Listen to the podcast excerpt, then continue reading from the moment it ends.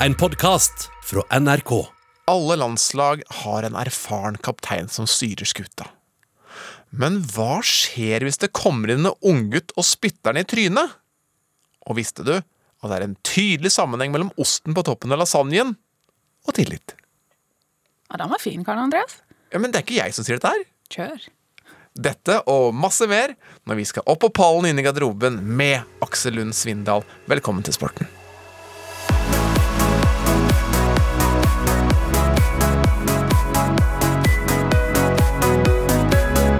Det er jo ganske rått at Aksel Lund Svindal kommer hit i dag, for eh, du er god på slalåm, du og Nina. Det er ikke noe tvil om. Nina Løseth sitter ved min side, fortsatt vikar for eh, Karina Olseth, som passer på barnet sitt lite grann til. Fortsatt vikar. Eh, ja, men, men en god en. Eh, og du var god på ski òg. Men når Aksel kommer hit i dag Da var ikke jeg så god lenger. eh, Jo, du er god på en måte, men eh, han, han, han klarte enda mer. Han, han klarte helt rå ting, liksom. Ja, det Vi kan være enig i at han har vært i en litt annen liga og har en del flere medaljer, og seire og pallplasser enn hva jeg har. Nettopp. Men det er da jeg skal liksom si det, at eh, du har vunnet i verdenscupen. Og det føler jeg på en måte er en sånn bøyg å få, der, å få den seieren. Pallen kjempebra, selvfølgelig, og, og mange har blitt nummer to og tre og har hatt strålende karriere likevel. Men seieren, det er noe spesielt. Og noe Jeg har en følelse, en snikende følelse, at når vi skal stille spørsmål i dag, hva føler du nå? Så har det noe med en seier å gjøre. Så Nina, hva føler du nå? Hva føler du nå? Og det er en skandale! Det er fiasko! Og da kommer tårene! Hva føler du nå? Rø er det lov å si rørt? Altså, lenge har du, har du, du grein i helga? Har du noen, og griner du fortsatt? Er rørt fortsatt. Det har med seg. Vi skal Jeg innom seier. jeg ser på øynene dine. Du, du er fortsatt rørt. Jeg blir blank i øynene når jeg snakker om det. Ja. Fordi at eh, Hva, hva, hva, det hva som- tenker du på? Det som skjedde i helga, og det er sikkert eh, Ja. eh, Jeg, jeg satt jo i gang tuting på TV. eh, Tårene rant. Jeg klarte ikke å holde det tilbake. Jeg ble så rørt. Sebastian Foss Solvåg, som jeg da har kjent siden han var baby. Vi har vokst opp sammen og kjørt veldig mye på ski sammen når vi var små. Og en god venn av meg, han tok sin første seier. Ja. Og det var så stort. Jeg, altså, jeg begynte jo å grine før han kryssa mållinja. Ja, For du skjønte at den kom til å vinne? Ja, jeg så det, men jeg så det egentlig allerede i tredje port. Fordi jeg så det på kroppsspråket hans og på tempoet han hadde ut av start, og så tenkte jeg sånn Nå er det din tur. Og han er også en alpinist, bare for å si det, og det var et slalåmrenn. Ja. Og han har vært god egentlig lenge, vært på landslaget lenge. Hatt pallplasser og har leda etter førsteomgangen og på en måte hatt muligheten, men aldri helt sånn fått det til i to omganger. Mm. Og nå klarte han det. Endelig. Og det var, ja, det var, det var et stort øyeblikk. Vet, han, altså, han har jo drømt om det her siden han var liten gutt, og jeg kjenner meg sånn igjen. Jeg tror det er derfor det var så mye følelser òg. Og eh, jeg har stått på ski med begge søstrene hans, og hele familien har jo eh, stått på ski sammen. Så eh, det var, en, det var et stort idrettsøyeblikk på søndagen der. Men, men, men hva betyr det egentlig for en idrettsutøver å på en måte Altså Vi sa jo andreplass er jo kjempebra, tredjeplass er jo kjempebra. Men hvorfor er den første seieren Hvorfor er det så viktig å få sånn én seier? Jeg vet ikke helt hva, altså Det er jo det man jobber for. Man jobber jo ikke som idrettsutøver. Du jobber ikke for å bli nummer to og tre, egentlig, i bunn og grunn. Så man kan jo, hvis Jeg regner med alle som trener dag inn og dag ut. De sier jo ikke 'jeg skal opp på pallen'. De fleste, de fleste regner jeg med ønsker å De trener såpass mye for å bli best i verden. Men pallen er bra. Pallen er bra, men på søndag så var han Sebastian for Solvåg best i verden. Er det lettere å ta flere seire når du først har fått én, fordi du på en måte har fått senka skuldrene litt? Jeg er kanskje litt feil person å spørre om, men eh, det, det Nei, nei, eh, det er jo egentlig ikke det. Fordi at det, du må jo du må gjøre det igjen. Og jeg, jeg sleit jo sjøl med å gjenskape den tryggheten jeg hadde når jeg mm, fikk min første seier. Så, men jeg håper, jeg tror han Sebastian er i såpass god form nå at det, nå kommer det til å flyte bra på, altså. Så nå ble det altså litt alpint i starten, og så blir det mer alpint senere også, men vi skal til andre idretter også. Få se for deg nå at du har tatt ut absolutt alt, og endelig har du satt det perfekte rønnet. Som betyr at du får lov til å ta steget opp på din pall. Og nå skal vi også på pallen. Vi skal på pallen i Å reise seg igjen. Opp på pallen og inn i garderoben. Det her er sporten. Pallen i Å reise seg igjen. Og da har jeg bare lyst til å bruke noen ord som kan starte det. Så jeg får, jeg får frysninger på armene før jeg har sagt de ordene. Det er, altså, jeg er jo helt skada menneske. Men uh, det går altså en dokumentar som akkurat nå har kommet, uh, lagd av HBO, som heter uh, bare Tiger. Handler om Tiger Woods. Og det som er liksom setningen under da på den dokumentaren, er bare The rise. The fall. The return. Det er sånn du elsker. Kanskje, kanskje tidenes comeback. The comebacks of all time, som de sier i den filmen. Men nå skal vi til vår personlige pall når det går på det å klare å reise seg igjen. Og da lurer jeg på om vi starter med Ninas bronse. Vær så god. Mesdames et messieurs, médaillé de bronze, Ladies and gentlemen, the bronze medalist. Da skal vi tilbake til 2003. Oi, vi skal hoppe litt. Vi er på Hawaii. Hawaii, ja. Og det er ei 13 år gammel jente som skal ut og kjøre morgensurf med bestevenninna si. Oi. Så kommer det en 4,3 lang tigerhai og biter av henne venstre arm. Rett av! Har du surfa før? Eh, jeg, jeg har, jeg har bodysurfa, liksom. Noen syns det var vanskelig. Eh, Og det er sånn når du ligger oppå brettet, så ja, vanskelig. Så du kan jo tro at det når jeg var på Bali og surfa, så er, altså den største skrekken er jo om det at det skal komme en hai. Og det her skjedde da, 31. oktober 2003, Bethany Hamilton. Uh, hun var ganske god å surfe allerede da, men den armen den forsvant, og hun blir hjulpet til land. Eh, blir hasta til sykehus, og når hun kommer til sykehuset, så har hun mista mellom 60 og 70% av alt blodet sitt. Hun overlever, de får, får eh, lappa henne sammen. Og en måned etter angrepet, altså under en måned, så er hun tilbake i vannet. Og det er altså da uten en arm. Uten en arm. Så det har jo blitt laga film på henne. Så kort fortalt, jeg skal holde den her ganske kort. Soul Surfer det er jo den inspirasjonsfilmen. Den er, det er en veldig bra film, egentlig. Men øh, så hun har vært proffsurfer i alle år, og ja, surfer med ei Hun er kjent som uh, jenta som surfer med én arm, og absolutt ingen begrensninger. Så det er jo til stor inspirasjon for mange unge utøvere der ute. Og det sykeste er jo at hun eh, klarte faktisk å gå helt til topps i en eh, profesjonell konkurranse til slutt, og få en seier og sto på pallen på toppen med bare én arm. Og det er helt nylig også har det faktisk sluppet en ny film om Bethany Hamilton som eh, ja, den er lagd på like rå måte som den Tiger-dokumentaren. Har du lest opp om en pall? Kan litt. Litt her og litt der. Fader, altså. Kjør. Kjør din bronse. Jeg bare skyver den over. Eh, det var litt artig at du starta med 13. For jeg skal også starte med 13. 13 vet du, det er jo seks år mer enn sjau, som du ville sagt. Eh, og det er nemlig ei jente som ikke hadde drevet med den idretten i det hele tatt. Men så ble hun 13 år, og så Ja, det virker jo litt gøy å være med venninnene mine. Og så eh, Hallo, er det noen som vil være keeper? Jeg mangler en keeper. Og ingen vil være keeper, er det ikke? Var det Bergen- eller Ålesundsdialekt? Det var, det var, eh, han, han hadde, det var en mor fra Ålesund Ja, og far okay. fra Bergen. Okay, okay, ok. Eh, treneren. Og så øh, Ingen ville være keeper. Og så var det ei sånn, litt sånn sjenert jente som Jeg kan stå. Jeg kan stå. Inn i mål, 13 år. Tre år senere på landslaget. To år senere verdens beste håndballkeeper. Og det holdt i to år til hun ble 20. Da la Cecilie Leganger opp. Det kom til den dagen at da var det ikke noe mer å gi. Verdens beste håndballkeeper legger opp bare 20 år gammel. Det er en vinner som gir tapt altfor tidlig. Det var vel egentlig summen av veldig mange ting som gjorde at eh, at eh, jeg ble rett og slett utbrent og utslitt. Cecilie danner seg et alter ego på banen og gjør et comeback på landslaget med fornyet selvtillit. Norge er i kvartfinalen i VM. Cecilie Leganger slo Ukraina alene. Dette her er selvfølgelig et lydklipp fra 'Mesternes mester', hvor Cecilie Leganger er eh, med. Hun kom tilbake, begynte å trene litt med et herrelag, og var jo kjempegod, selvfølgelig.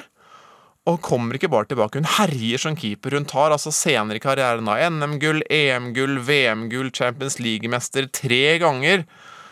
Ja, for en måte å reise seg på igjen, syns nå jeg, da, for Cecilie Leganger, som også gjør det brukbart når hun er 'Mesternes mester'. Det er så gøy å se henne igjen. Ja, jeg, synes, jeg, jeg, pleier, jeg har blitt veldig imponert over måten hun For jeg, har ikke visst, jeg visste ikke at hun Jeg husker ikke at hun la opp når hun var 20 år gammel.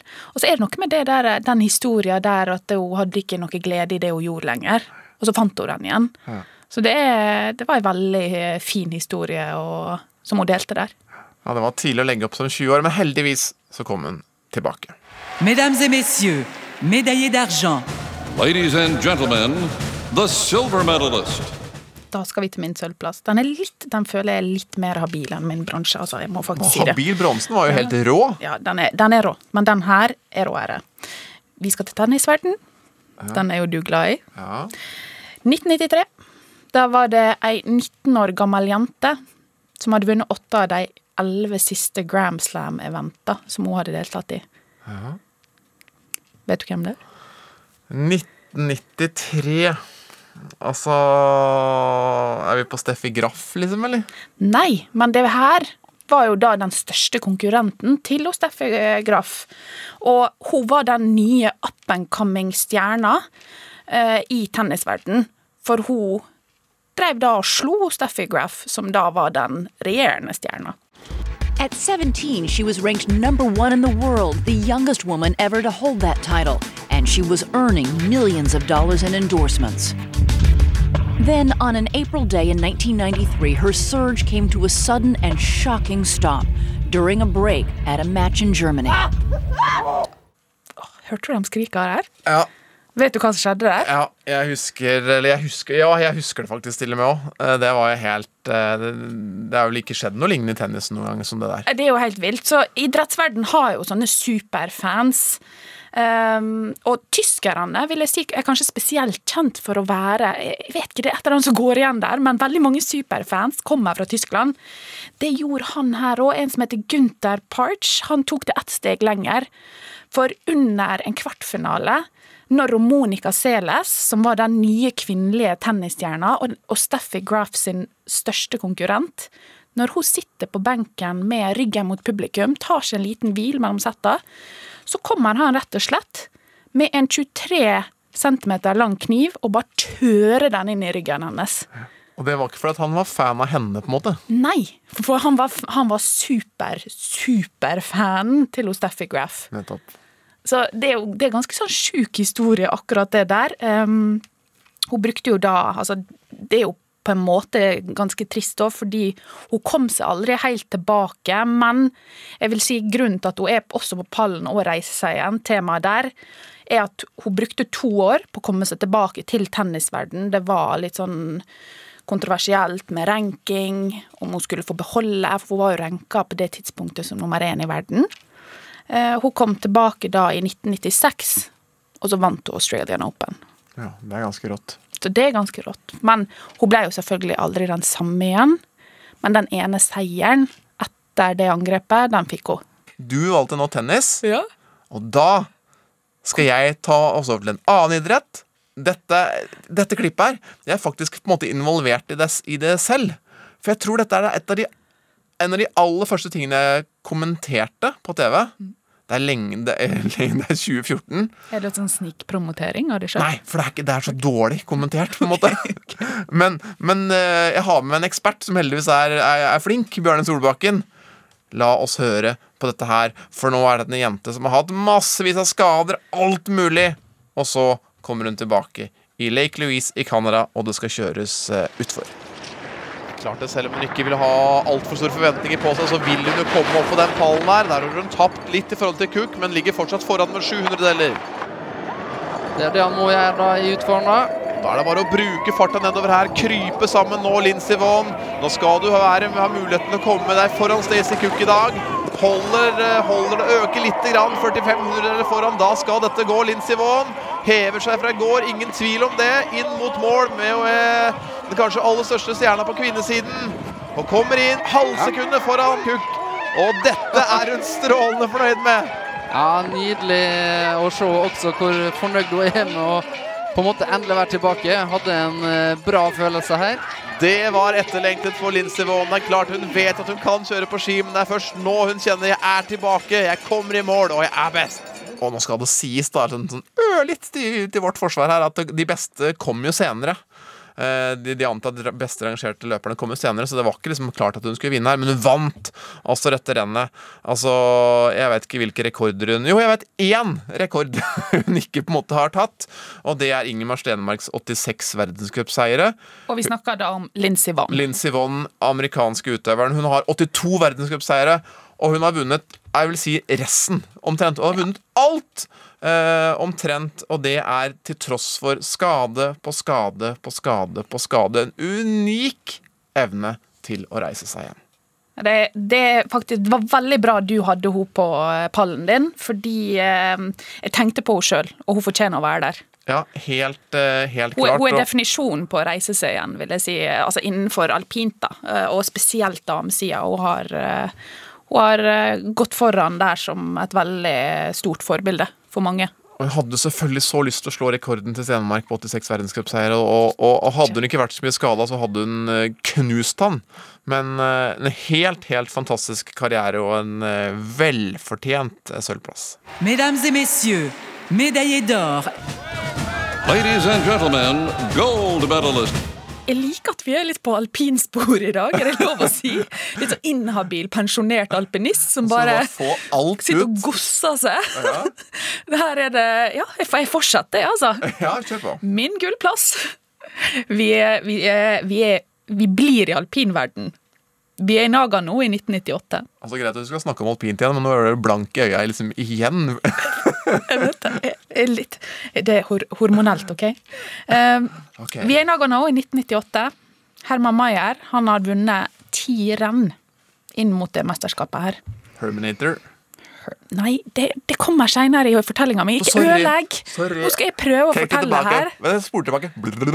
okay. Han stakes ut av start. Han er aggressiv, han er innbitt. Det er utfor. Han er i sitt livsform på det tidspunktet her. 20 sekunder nedover i traseen. Så tar han av på det første hoppet. Hermann, die Nummer 1 des Jawohl, Winters. schau, wie der außen geht. Alle nicht zu hart fahren, bitte, Hermann. Ja, ja, das ist sein Problem. Ah, mal, geht's wieder aus, geht's wieder aus. Mein Gott, mein Gott, mein Gott. Hoffentlich ist nichts passiert. Se bort ifra den bakgrunnsmusikken. Ja, men så må jeg bare si litt her jeg- jeg- Sikkert alle kan tysk, men sånn Mein Gott, mein Gott! Det betyr altså Å, herregud, herregud, hva er det som skjer? Det kan ikke skje, det der. Så det som, skjer, det som skjer med han på den hoppkanten, er at det er et lite feiltrykk. Gjør at det han satser istedenfor å dempe, som han helst vil. Så han blir, han blir bare skutt ni meter opp i lufta. Så han flyr, og så smeller han i bakken med hodet og skuldra først. Og så ser han ut som sånn filledukke som bare blir slengt videre over sikkerhetsnetta og videre nedover i Heldigvis var det løssnø der. Men de TV-bildene det går jo inn i historiebøkene til eh, OLs En av de styggeste fallene som har vært i OL, og han røyser opp igjen. Ser ut som han bare rister litt av seg, og litt sånn litt forfjamsa. Eh, mørbanka. Men så tar han og stiller til start igjen tre dager seinere og tar gull i super-G. Altså, det fallet der er helt vilt. Altså, han flyr sidelengs òg, faktisk. han flyr sidelengs, og altså tar han gull i storslalåm i OL tre dager etter der igjen, så han bare tok to gull på rappen. Eh, og det var da kallenavnet The Herminator festa seg ordentlig. Men Han var er, ikke et menneske. det er ikke ferdig her, vet du. For han var jo han var, liksom, han var kjent for å være beist i løypa. Han var aggressiv, han var innbitt. Han, var også, han fremsto som veldig lite sympatisk. Jeg husker dette her fra jeg var lita. vet du. Så han fortsatte å vinne etter hele denne episoden her. Og så, i 2001, så opplevde han noe som endra han for alltid. Han holdt på å miste livet i en motorsykkelulykke. Og legene var vel innmari nærme med å måtte amputere hele foten hans, for den var såpass kvesta. Og etter han kom tilbake der, så Og han tok sin første seier. Han var tilbake i 2003, så han brukte jo to år på å komme seg tilbake og rehabilitere. Så var han, han var en forandra mann. Han var rørt. Han sto på TV. Du kan, kunne nesten se tårene trille. Da husker jeg som, For da var jeg elleve år, og da satt jeg foran TV-en og så tenkte jeg at det var så fint å se. For han hadde gått fra å være innmari usympatisk og veldig, sånn, litt sånn skremmende, litt skummel å se på, til å bli en veldig ja, flott utøver. Og så kom han tilbake etter å ha vært døden nær, altså. Så sto han på toppen av pallen igjen. Vi skal til eh, min eh, gullplass, og nå har du på en måte du sagt at dette var litt sånn alpinsending og sånn. Og uh, dette er også litt sånn tydeligvis sendinga for uh, Hva du holder på med nå? Out! Tennis. For på min gullplass så skal vi også litt tilbake i tid. Du snakka om 1993. Jeg skal til 1991. Var du født i 1991? Da var jeg to år. Den yngste spilleren noensinne som kom inn topp 10 i verden. Hun var kun 14 år og 235 dager. Og året etter Han så vidt rukket å fylle 16, da. For hun var liksom sånn altså ett og et halvt ble på en måte. Men i 1992 så tok hun OL-gull i Barcelona. Var 16 år. Da har du begynt, klart å lykkes som, som tennisspiller. Jente. Eh, men så kommer året etter igjen. Da er du på en måte, da er hun 16, en av de beste i verden, tjent masse penger, OL-gull. Da kan det fort gå i ball. Det gjør det for Jennifer Capriati fra USA, som blir arrestert for nasking i butikker, besittelse av marihuana. Og det her, siden hun er så stor, ikke sant, så skrives det jo overalt, og i mente TV-stasjoner og aviser og internett var det i gang i 1993. Det var kanskje så vidt det var, men altså Det blir alt Det bare går Det rakner helt for henne. Og så er hun da borte fra 93 og prøver på en måte Hun er borte et år fra tennisen, men klarer liksom ikke og finne seg ikke sjøl Finner seg ikke sjøl igjen. Før 1999, seks år senere, hun vinner en turnering. I 2001 så vinner hun Australian Open, som er en Grand Slam. Og noen måneder senere så er hun i finalen i French Open. Og hvis- hun vinner den turneringa, så går hun til nummer én på verdensrankingen.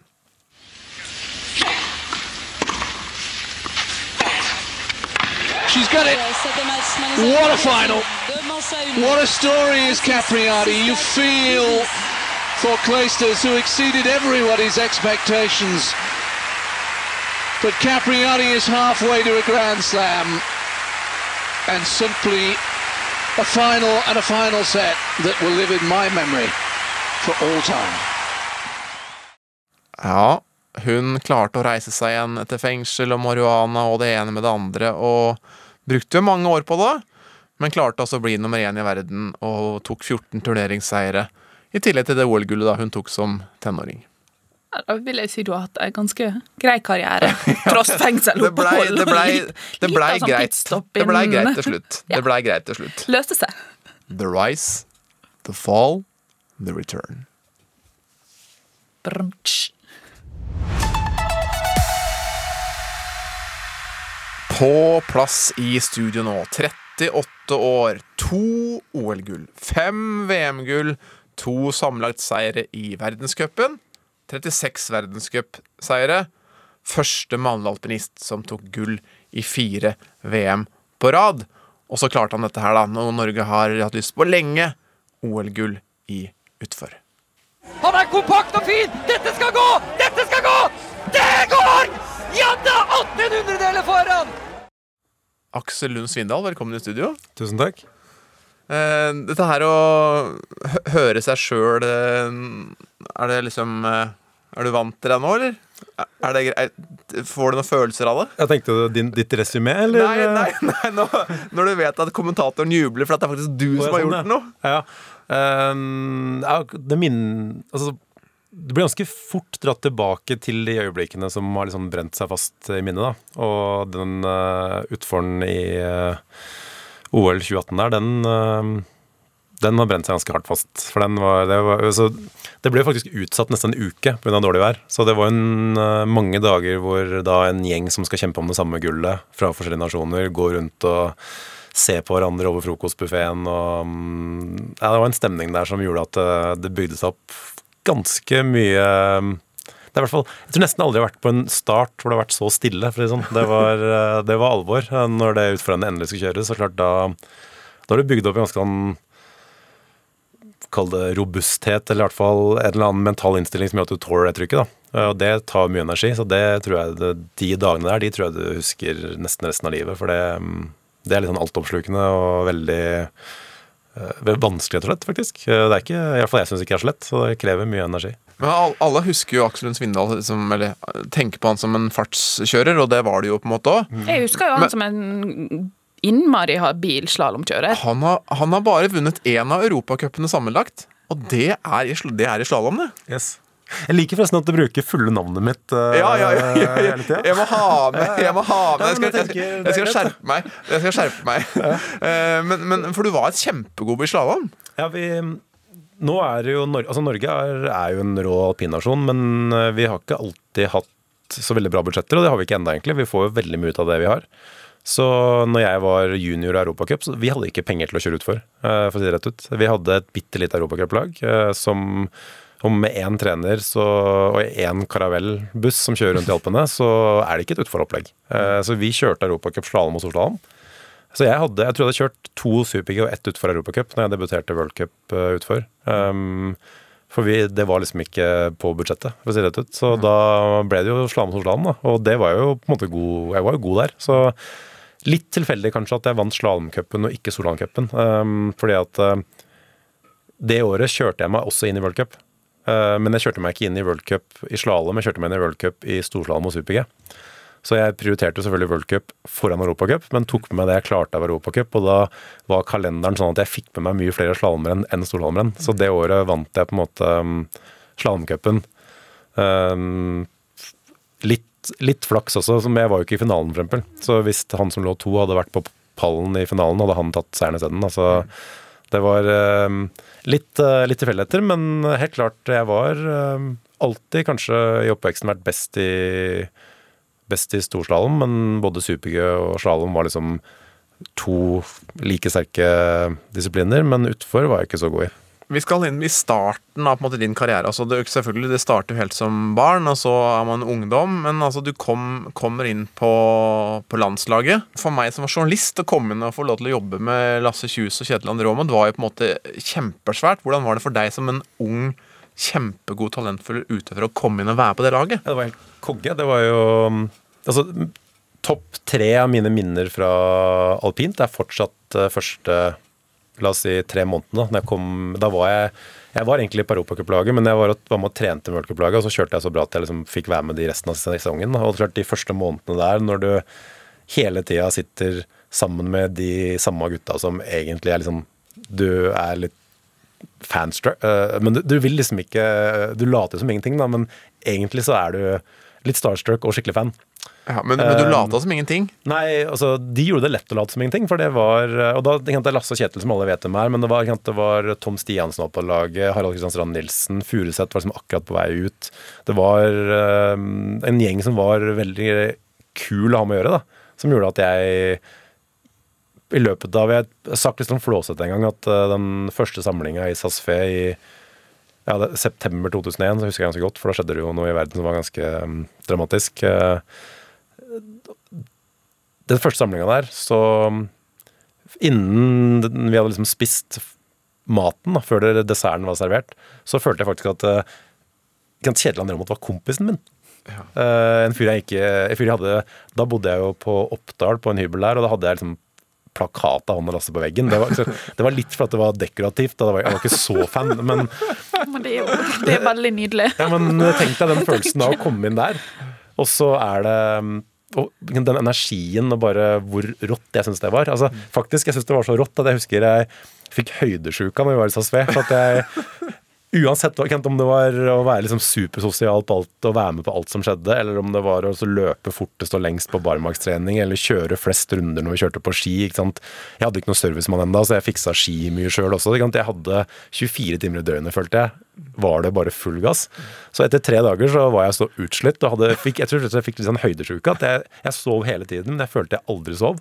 Kunne ikke være med på ski. Jeg kunne, jeg kunne ikke gjøre noen ting, for jeg var helt utslitt. Så den uh, første samlinga var uh, liksom en sånn vitamininnsprøytning av dimensjoner, men som kanskje nesten var i overkant. da. Men når jeg lærte å balansere det litt, så tilbake til det jeg begynte med. Det, de tre månedene, de første månedene der er topp tre det råeste jeg har opplevd som idrettsutøver. da. Hvis jeg, hvis jeg kan være i nærheten og gi de unge som kom inn når jeg var kaptein, da, noe av den følelsen som eh, de gutta ga meg når jeg kom inn, så tror jeg liksom allerede vi har en Altså vi må forvalte det forspranget, men jeg tror allerede da vi har et forsprang på, på de andre nasjonene som de ikke klarer på samme måte. Og der mener jeg faktisk vi har en fordel ved at eh, vi ikke er på hjemmebane i Alpene. fordi at eh, de andre nasjonene Ok, Nina kunne kjørt til Innsbruck, jeg kunne kjørt til Innsbruck. Vi, vi reiste på en måte hjem, men jeg følte jeg stressa aldri med det. Mens østerrikerne, da, hvis du er ferdig i Kitzbühel, så, så fort du er ferdig med rennet, så er det noen som blir igjen på premieuttelling fordi at uh,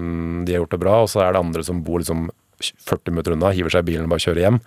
Mens vi er alltid samla. Det er en historie som jeg har lyst til å høre din versjon av fra akkurat den perioden du beskriver nå, den første tida på landslaget, med legendene Aamodt og Kjus, som da på en måte var De var liksom sjefene på laget, og så var du unggutt og der, litt sånn med hierarki og så videre, ikke sant? Og da er det en uh, første gang du skulle løpe en 400 meter mot Aamodt og Kjus. Kan jeg få høre din versjon av, den, av det løpet? Ja, det er faktisk det er ikke, Jeg regner med at det her, den historien her det er jeg og Kjetil André Aamodt som er hovedrolleinnehaver her. Det er helt riktig. Ja. Du kan ta det fra, du kan, du, Kjetil André sin versjon, eller? Eh, jeg har fått en versjon, i hvert fall. Du kan, du, kan, du kan ta den fra start. Hvor er vi, og hva skjer? Vi er, uh, Dette her er nok da um, Da er vi ferdig med den første vinteren hvor jeg på en måte blir introdusert for worldcuplaget, mens jeg egentlig er junior- eller europacupkjører. Eh, og så begynner barmarkssesongen eh, på våren der. Så løper vi intervaller. Det er, jeg tror det er 400 meter. Liksom, jeg vet ikke hvor mange vi skal løpe, men en god del. Uh, jeg er sånn relativt god til å løpe. Um, så jeg ligger på en måte Ligger i front der, da. Um, Kjetil André Aamodt ligger liksom Han ligger som en klegg da, hele tida. Han er en seig jævel og jævlig sta. Han, jeg føler han, han, han bare ligger der hele tida. Men han ligger liksom sånn at jeg har Jeg, ser henne i sidesynet, og så um, Eller at du på en måte merker at han er rett bak deg. Og så er det en intervall litt ut i rekka, nummer fem eller seks, jeg vet ikke, hvor jeg liksom Kjetil er ikke noe sted, så nå tenker jeg liksom nå, Ok, nå har han det sluppet, da. Og så er jeg i ferd med å pådra meg litt sånn uh, Bjørndalen-slim, eller hva man kaller det. Man liksom får litt sånn snørr og litt sånn uh, rundt munnen. Så jeg liksom løfter armen og så liksom skal bare snyte snyte meg litt sånn uh, etter at når vi har løpt omtrent tror, Det er liksom på siste langside, så liksom, vi har løpt ja, 320 meter. da Og idet jeg løfter armen og liksom snur meg, så ser jeg faktisk altså Kjetil han er ikke så liten, så det er litt rart, men han ligger på en eller annen måte under armen min og løper. altså Han er der ennå, han har bare gjemt seg under armen min. og da er det det er for seint å trekke tilbake den snytinga. Så det da og Kjetil er litt sånn uh, germophobic, eller det er for noe. Så Kjetil går jo omtrent ned for telling som om han har fått et pistolskudd i, i nakken. Altså, det, eller fått syre i ansiktet. Det var uh, dramatisk, uh, dramatisk øyeblikk. det er jo ganske gross. Ja, det er, selvfølgelig er det gross. Herregud. Det var Jeg følte meg ikke dritkul uh, når det skjedde. Um, Du har, du har fått høre den i ganske mange år etterpå, eller? jeg har fått høre den i mange år. Og hva er det som Kjetil uh, pleier å Han pleier å formulere det som at uh, at han hang på, hang på, hang på. Og til slutt så ble jeg så lei at jeg spytta han i ansiktet. Så det var straffen hans? ja, det var liksom bare Nå gidder jeg ikke mer, så nå spytter jeg deg i ansiktet. Som er, det var jo det jeg gjorde, men ikke akkurat, akkurat sånn. Men dette her var jo på slutten av løpet, og så liksom snyter du deg, eller tørker bort det der, og han får det, kaster det på Kjetil André Aamodt. Stopper du da og spør åssen det går, eller fullførte du løpet? Nei, det var jo Vi var jo på oppløpssida, så jeg, og jeg, jeg vet ikke om han stoppa helt sjøl, om han liksom begynte å halte for han følte seg liksom skadeskutt. Han stoppa, stoppa brakse. Ja, men jeg, bare, jeg husker ikke helt hva han gjorde, men jeg løp i mål i hvert fall. Og det er da Kjetil André Aamodt sier det er ikke sikkert det stemmer, men han er, forteller i hvert fall at han kommer opp til Aksel og viser da hva som har skjedd. Og så får han da beskjed av den unggutten på laget. Eh, jeg så deg ikke for du har så korte bein. Det er um, la, Kan vi ikke bare si at det er riktig? Ja, det er mye bedre. Altså, hvis jeg hadde vært så rask i replikken der, så det stiller det meg i et bedre lys enn at jeg uh, hadde en kjip kommentar. Så um, det høres ganske riktig ut.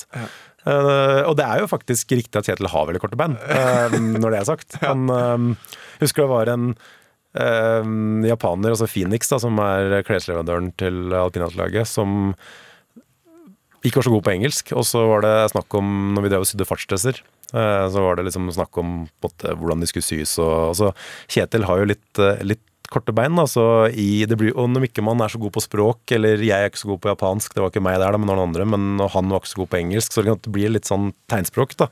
For å forkla- hvor han japanerne for å forklare på en måte Kjetil, og tok han Altså, han holdt opp underarmen, sånn som jeg gjør nå, sånn at liksom underarmen går rett opp.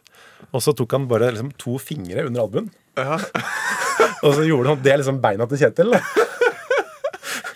er lite, veldig lite radiovennlig, men eh, For å vise at her må det sys korte bein. veldig liksom. kort. Altså hele, hele underarmen min nå, det er da ryggen Kjetil André mot, mens uh, Langemann og pekefingeren, det er liksom beina. Og så sa han, mens han gjorde det, så sa han 'very short legs'. Very short legs.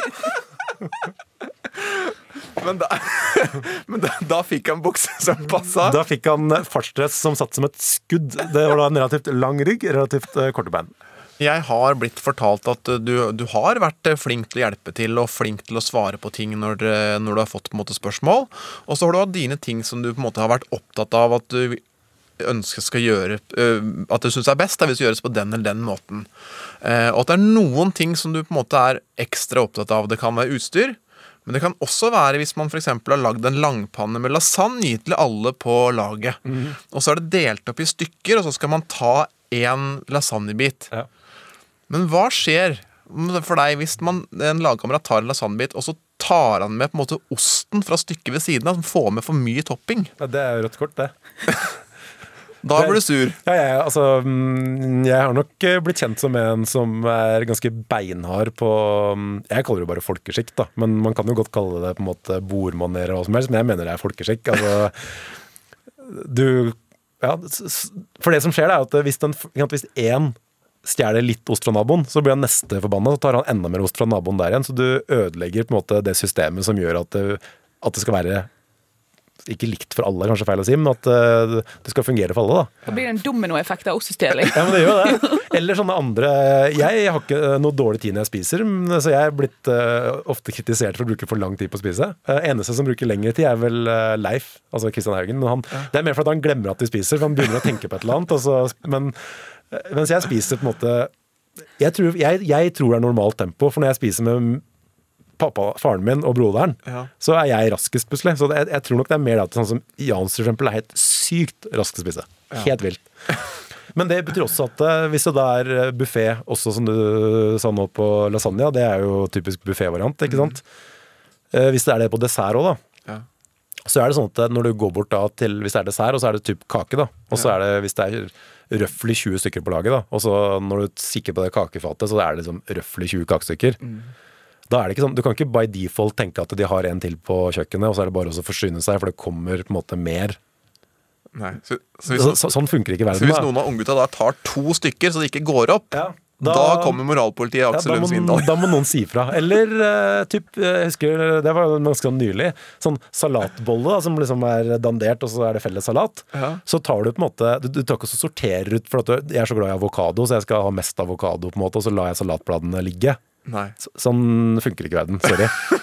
For da blir det for lite avokado til en annen. Ja, og da er det på en måte Men det som er med det, ok, det her er Jeg mener det bare er folkeskikt da. Men hvis du setter en litt mer på en måte Kall det alvorlig kontekst, da.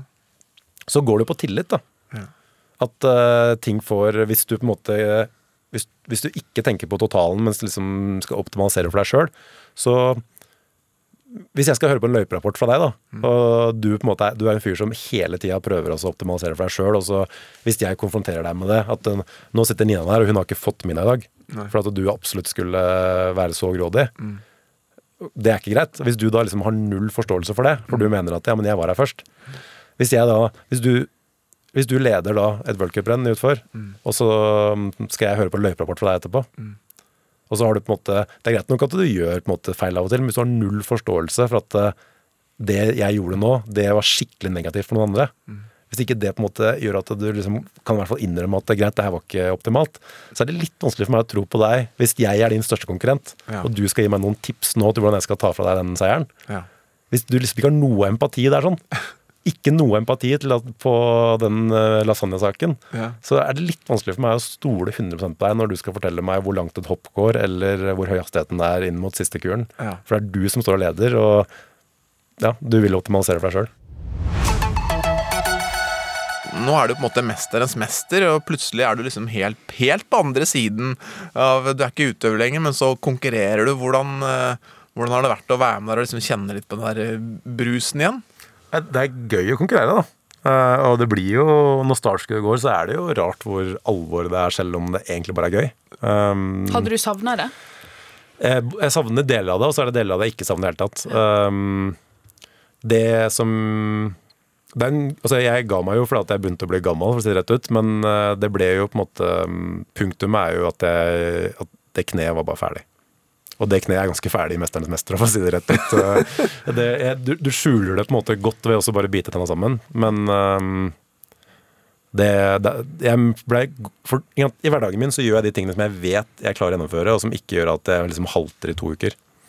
Mens når eh, programmet står der, og det er konkurranse, og du, da må du bare bite i deg smerten, og så gjennomfører du det. da. Eh, Og, mm, Hvor mange uker med halvt var det? eh, det var nok eh, Det var sånn at jeg var tilbake bare for å sjekke at jeg ikke måtte operere noe nytt. liksom. På, ja, men det var, jeg bare tenkte, For jeg har vært, hatt hevelse mange ganger før, men jeg tenkte når det liksom begynte å bli mange uker, og jeg liksom fortsatt følte jeg måtte gå baklengs ned en trapp, så tenkte jeg nå må jeg på toppidrettssenteret og få undersøkelse. For dette her er ikke bra. Så ja, jeg savner Du savner eh, For du får veldig bra samhold også med de du konkurrerer. Nå konkurrerte vi mot hverandre, selv om det var noen lagøvelser på Mesternes mester. Men du, selvfølgelig ikke i nærheten av det vi har hatt og har på alpinlandslaget, men du får litt av den greia likevel. For det er noen som blir veldig skuffa. Så er det noen som blir veldig glad, selv om det bare er TV-program. Og det binder på en måte folk litt mer sammen enn om man snakker om været og hva du spiste i går, liksom. Du får litt eh, ganske sånn samhold ganske raskt. Så utrolig fin gjeng. Altså veldig takknemlig for at de var så kule, de vi var sammen med. Og også må jeg gi litt skryt til, jeg er imponert over um, rett og slett uh, TV-programmet, altså hvor proffe de er, de som lager det. For de klarer faktisk å En TV-produksjon er stor, det er masse kameraer og sånt, men du ser det, når du ser resultatet, så skjønner du hvorfor ting tar tid, og hvorfor det er så stor produksjon. For de klarer å catche ting i øyeblikket som gjør at det blir ekte, istedenfor at du liksom må klippe litt fra der du faktisk hadde kamera, og så blir det litt sånn halvveis. Altså det er proffe, proffe folk, og var en kul opplevelse med på det. Og jeg har fått oppleve det å kunne følge med på TV-program endelig. Sitte hver helg nå og kikke. Ja, men det som er rått, er at det, det er derfor jeg faktisk eh, Det er derfor jeg ble med. For at jeg, korona og lockdown, og så plutselig fikk du litt mer tid. da. Og så tenkte jeg ok, som type Mesternes mester, det snakker mange om. Jeg har aldri sett det. det. Og så begynte jeg å se på det, tenkte jeg de har det jo jævlig gøy. Veldig, jeg syns det er veldig stas å sitte og følge med. Ja, Så når den forespøreren kom da med å være med, da tenkte jeg vet du hva, For alltid har jeg vært sånn Nei, dette her har jeg ikke tid til. Men da tenkte jeg at her skal jeg prioritere, for det ser rett og slett jævlig gøy ut. Jeg skjønner at det er veldig gøy òg, og, og man blir liksom tent, og man vil vinne, og du hadde lyst til å slå Johan Olav Koss i 90-graderen der. Altså, Min strategi er jo mer sånn å være litt sånn steinansikt. At når ting er vondt, da, så bare puste helt rolig, og så ikke, ikke overdramatisere hvor vondt det er. Um, så jeg tenkte bare her skal jeg sitte bare helt rolig. Og så så jeg på Koss, og han så liksom litt mer sånn, satt liksom litt sånn halvurolig. Jeg tenkte at eh, jeg tror han er ganske sliten, så jeg bare, nå skal jeg bare prøve å sitte bare helt rolig og late som jeg kan sitte her. Og da tenkte jeg nå skal jeg late som jeg kan sitte i 20 minutter, halvtime. Så bare psyka han ut helt. Lite visste jeg at han kunne sitte i 40 minutter, så um, Nei, det var, uh, det var rått. Helt rå. Men nå skal vi eh, hopp, ta et lite hopp her til, eh, til Beaver Creek, som er en veldig, veldig spesiell bakke eh, for deg. Og noe av grunnen til det er at det gikk eh, veldig galt eh, på trening i 2007. Vind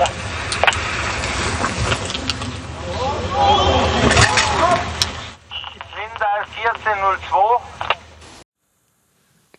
Det går altså så galt at uh, Ja, det så ikke pent ut når du hadde landet etter en trening her, Aksel. Nei, det var um, det, det er en stor uh, krasj, om det er lov å si det. Ehm, litt uflaks også, på en måte, at det gikk så galt som det gjorde. Men selvfølgelig veldig flaks, det, for det kan alltid gå verre. Når det først går galt, så er det jo på en måte Ja, da kan det jo gå verre òg. Men ehm, ja, kort fortalt så er det et eh, stort hopp, eh, som var veldig stort det året der. Og ekstremt gode forhold det året. Det vil si at på gode forhold så Amerikanerne kaller det for hero snow. Eh, det handler rett og slett om at eh, snøen er så bra at du er en helt. Du kan gjøre akkurat hva du vil. Du kan svinge så raske buer du vil. Du kan dra med deg så mye hastighet du vil, nesten. Og mine siste tanker eh, før jeg da går ut hoppkanten på det klippet vi her hørte, det er så fort som det her har jeg aldri kjørt i Beaver Creek. Og så to sekunder senere så kommer den seansen du hørte der. Og så har vi denne episoden her, så snakker vi en del om folk som har på en måte reist seg igjen. Og det er det som Altså, noen filmer er helt briljante fordi de har helt perfekte manus. Og dette her var omtrent som at det var et manus skrevet i Hollywood. For ett år senere så er du også tilbake igjen i den samme bakken hvor du har hatt et forferdelig fall, og så skal du kjøre der, og så går det sånn som det her. Så nærmer han seg da Golden Eagle Jump, og høy hastighet på Aksel Lund Svindal. Så er han snart eh, på kanten der han eh, tok av i fjor, og det er kontrollert og fint av Aksel. Aksel Lund Svindal var på ingen måte preget av fallet i fjor. Han ledet fra første mellomtid. Mot slutten gjorde imidlertid et par småfeil at forspranget krympet. Og utfor siste hoppet så er Aksel Lund Svindal i mål, til stor jubel. 1.40,385. Han tar teten foran Marco Büchel. Veldig bra kjørt av Aksel Lund Svindal. Og det blir en stor dag for Aksel Lund Svindal. Han vinner i Beaver Creek foran Marco Büchel og Erik Gay. Du, du ser det at jeg er lettrørt for tida, eller? Jeg sitter litt sånn blank i øynene igjen. Du, du klarte altså å komme tilbake og, og vinne året etter. Det her med å reise seg igjen, komme tilbake til skade, og gjort det flere ganger. Hva, hva er det som gjør at du klarer det og gjør det så bra? Um, først og fremst så tror jeg det er fordi jeg vil. Uh, og jeg vil ikke um, Jeg vil ikke fordi at jeg liksom vil altså, der for eksempel, Det var ikke sånn at jeg skal tilbake og vinne akkurat det rennet. Eh, jeg, er sånn, det er totalen. Jeg vil, tilbake, jeg vil tilbake til treningssamlingene. Jeg vil tilbake til ja, alpinlandslaget. Jeg vil liksom tilbake til det livet jeg hadde. Da. Så det, det er liksom hele pakka. Og det betyr at eh, mye av eh, den jobben du skal gjøre for å reise deg, er jo en del av det du vil tilbake til. Altså Det vil si at eh, du trenger ikke å vente til du eventuelt vinner, før du på en måte får ehm, Hva skal jeg kalle for noe? Eh, ikke liksom premien for å reise deg, eller eh, tilfredsstillelsen. da. Du trenger ikke å vente den seieren før du på en måte er fornøyd. Altså Det er masse ting på veien som du er veldig fornøyd med, og det gjør jo den jobben mye lettere. Og så tror jeg den eneste egenskapen jeg har som jeg på en måte Eller det er kanskje to egenskaper, da, men de henger litt sammen. Som jeg, liksom, hvis jeg går litt tilbake i ser fra, eh, fra jeg var ganske ung, som jeg tror har vært viktig for meg, er at jeg er analytisk. Så når jeg ser et eller annet, så bryter jeg det ganske kjapt ned i hva er det som skal til. på en måte, ok, Her er totalbildet, men det inneholder disse elementene, og de må jeg bli god på. Så jeg er liksom analytisk på den måten, men også har jeg ganske god gjennomføringskraft på å da faktisk gjøre de tingene. Når jeg kom til Beaver Creek, så var jeg superredd. Jeg var kjempenervøs, og jeg, jeg klarte jo ikke å Du visualiserer en utforløype og en slalåmløype. Egentlig alt du skal konkurrere i, så visualiserer du. Du liksom forestiller deg hvordan du gjør det. Du har en plan. Men den planen, hvis du har lyst til å vinne den konkurransen, så bør den planen være så troverdig at når du visualiserer, så klarer du liksom troverdig å se at du faktisk gjør det bra. Men det klarte ikke jeg i Bear Creek den gangen. Um, for den Jeg tror jeg var så redd for det hoppet at um, jeg, altså jeg brukte så mye energi på å tenke på det at jeg ikke klarte å konsentrere meg om resten av løypa. Og det hoppet, det klippet vi hørte i stad, var liksom ti sekunder. Det hoppet er ti sekunder. Løypa er 1,50. Det er liksom 110 sekunder. Altså det er under 10% og det var hele nøkkelen til hvordan jeg etter hvert klarte å visualisere det, var å stå på start og tenke at jeg er redd for 10% Under 10% det er, det, er som, det er ikke rasjonelt å være redd for totalen her hvis det er mindre enn 10 jeg er redd for. Det, det var i grevens tid, husker jeg. For dette var eh, på start, typ kvarter før jeg skulle hive meg for pinnen, at jeg liksom endelig klarte å få um, ha en eller annen plan. Da, som, for tenk, hvis du ikke klarer å visualisere at du vinner altså Når du visualiserer, så kan du fly hvis du vil. Du kan være, du kan være Supermann. Hvis ikke du da klarer å forestille deg at du gjør det bra på ski, da er det ganske langt unna å kunne gjøre det på ordentlig.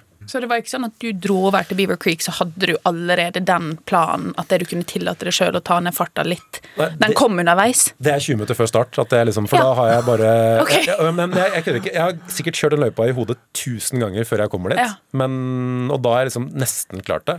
Så Nina, nå, nå sitter vi altså her i studio med en fyr som på en måte dødsgod på ski. ikke sant? Eh, vunnet nesten alt som er.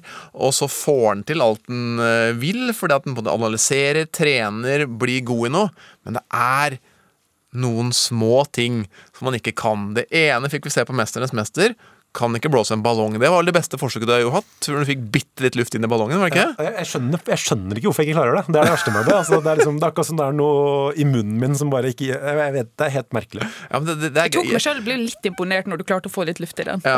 jeg vet. Det var faktisk Men jeg, jeg, ja, jeg klarer ikke å knyte ballonger, så det er noe med de ballongene.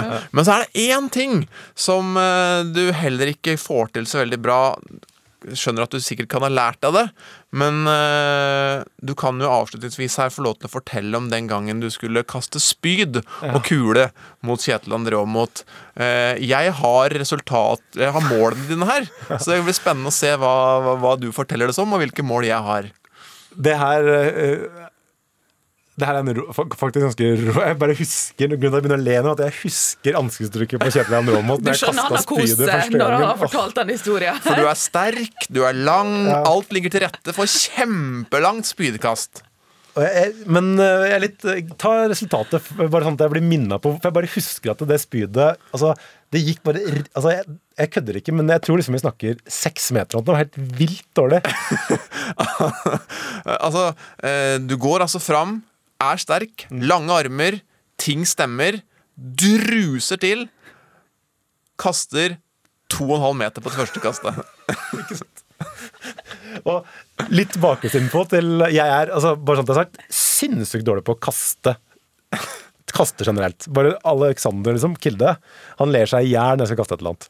Men jeg er også jeg, jeg, jeg vet ikke hvilken hånd jeg skal bruke til en del ting. For jeg er Jeg er høyrehendt når jeg skriver. Ja. Mens når jeg kaster ting, så er jeg egentlig venstrehendt. Ja. Så når jeg for skal kaste dart, da, så er det litt som å holde en blyant. Men du skal kaste den, på en måte. Så jeg er bare sånn herre Hvilken hånd skal jeg bruke? Og tenker Det er et ganske dårlig utgangspunkt hvis du skal være god på noe, og ikke vite om det er høyre- eller venstrehendt. Spyd, ok, det er ikke noe dart, det skjønner jeg, men du skal liksom holde en ting. Um, tennis, høyre. Kaste en tennisball, venstre. Helt merkelig. Spyd, ok, hvilken arm tar jeg? Og i tillegg så hadde jeg jo akkurat Jeg hadde et, eh, på den våren operert skulderen, for jeg fikk skulderen helt ut av ledd. Så jeg måtte operere skulderen.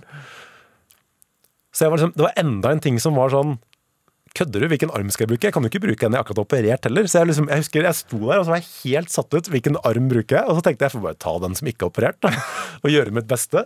Druser til. Og så var det og en halv meter? og en halv To meter og først, og så drev du og bytta arm fram og tilbake. Nå skal jeg virkelig skjerpe meg.